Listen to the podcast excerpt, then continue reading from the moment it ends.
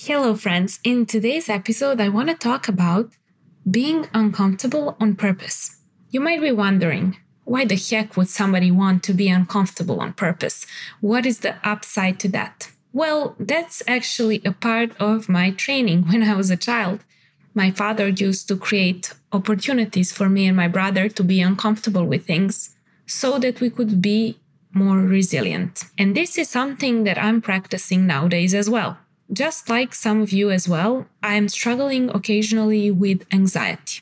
And when I have anxiety, I basically go into this crazy mode in my brain with like thought loops, overthinking, not breathing enough, not being calm enough, and not being grounded and centered, being just in my head. And what helps me actually handle this situation, not the situation when I'm having panic over something or anxiety. In that situation, I'm just trying to be present and breathe because I know I cannot manage it with my mind. And my mind put me into that situation. So I need to use my body to make myself go out of it. But what helps me a lot is these little exercises I'm doing for myself on a yearly basis that put me way out of my comfort zone so that my anxiety spikes when I do that and that way, I learn how to be okay with it and manage it better.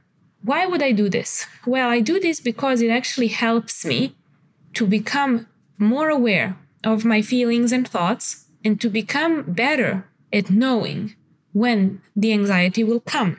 So that actually helps me have less anxiety in the long run. So, one of the examples I do this is when I travel. In the past, I used to only book really fancy locations like hotels, etc., where I would know that the conditions were like perfect for me. That means that I was looking to control as many of the things that I could. Like, I wanted to control the air condition, the light in the room, the bedding, the pillow. I had so many crazy things in my brain that I've decided are causing me occasionally anxiety. So I had a list of things that I have to check before I book a hotel, like what kind of a shower it is, what kind of a bed it is, and etc. So you all have preferences in life for food you eat, bed and sheets you sleep on, but when it comes to the situation that if you don't have those things, you are anxious, that's not really normal or healthy. Like it should be normal to be uncomfortable with it or just be okay with it because you know you're there for a little while. Just like my husband, like even though he does not prefer a bed that is like soft and smooshy, he would rather be sleeping on harder bed, just like me, because it's more convenient for our back, etc. He does not complain when we don't get what we said we wanted to, like he's okay with it. He's like, let's just sleep it over, it will be fine. But my brain is not really like his brain. My brain is like telling me this should not be happening, why is this happening, and going into thought loops. So, in order to learn to cope with this and to make myself more resilient in circumstances that are new and that I'm not accustomed to, I've decided to place myself in those circumstances by desire. I'm on purpose booking apartments or Airbnb, for example, where I cannot control everything like I can control when I'm staying at the same chain of a hotel. Like if I stay at St. Regis, I know exactly what to expect because I know their standard. I was a guest at their hotels and I know. And it's the same for some other hotel chains where I know exactly what I'm getting for my money. That's why they're very expensive because they have standards. On the other hand, Airbnb, yeah, you have some standards, but it's not like a hotel, like you know. So what happened now when we got to a new country and we're staying here for three months, there are some places where we are staying that are not really what they looked on the photo. And my brain starts screaming inside and he's like, Hello, Jovana, this is not what we planned for. Are you sure you will be able to work here? Is this really okay with you?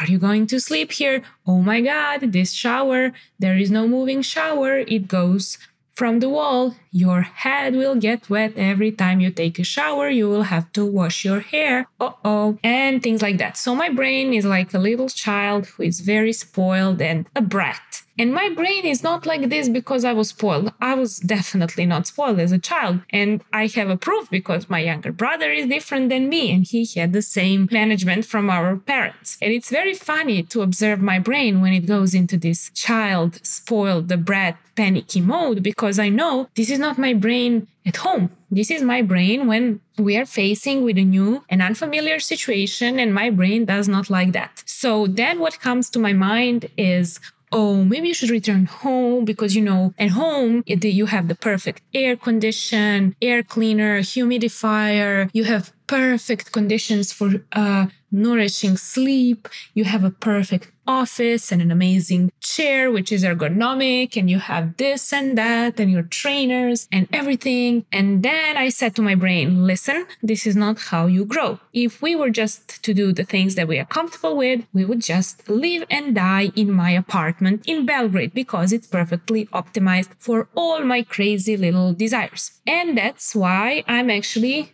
even nervous, even a little bit excited when I'm in a new place. Why nervous? Because it's not something I'm accustomed to, not something I'm comfortable with. But when I place myself there on purpose, even though my brain is still complaining and still acting like a little child, I still have my adult brain, which is saying, hey, this is on purpose. This is not happening to you. This is happening for you on purpose because you chose it and you are paying for this experience. So this is very interesting to me to observe. And I know you guys definitely have some other things that you find irritating, like my brain finds new uh, places and spaces which are not optimized to my desire and that's actually a really useful thing to do for yourself if you're an entrepreneur why because things will never work out as we want them to and as humans we want things to stay the same and we want to be all the time safe and protected and bored but this is not life and if i were to be all the time at my apartment in belgrade like i was last year during Corona, I was bored and not really that happy. First of all, because no one is happy if they're stuck in one place. And second of all, because you cannot appreciate something until you move away from it. So, this is also something very useful to learn from this situation, which is how much I appreciate my lovely home right now, my lovely place that I've curated completely to my taste in Serbia. And this is actually bringing me joy thinking about this right now, even though I'm not in Belgrade right now, because it makes me appreciate how much effort and love and attention I've put into my home in Belgrade.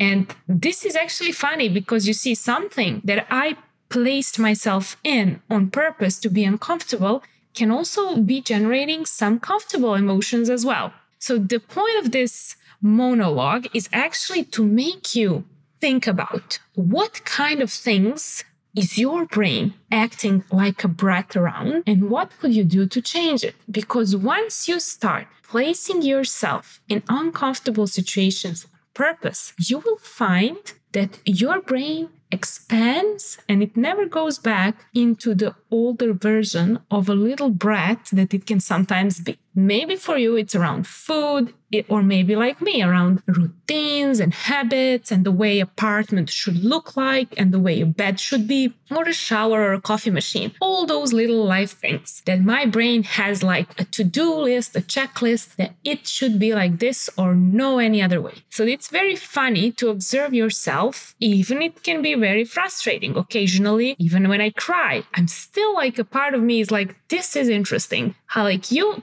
placed yourself here on purpose and now you're not comfortable with it and you're acting like a little child. And I let myself act it out. Why? Because I believe there is no good thing that comes up from pretending your emotions are not there. We should be feeling our emotions because what's the worst that can happen? You cry for like two minutes, five minutes, and then you change your emotion because you get bored even from crying. So it's very interesting how much you can learn about yourself when you place yourself in a new place that your brain does not find comfortable and you do it on purpose. You realize how us humans can really do hard things and sometimes even with joy.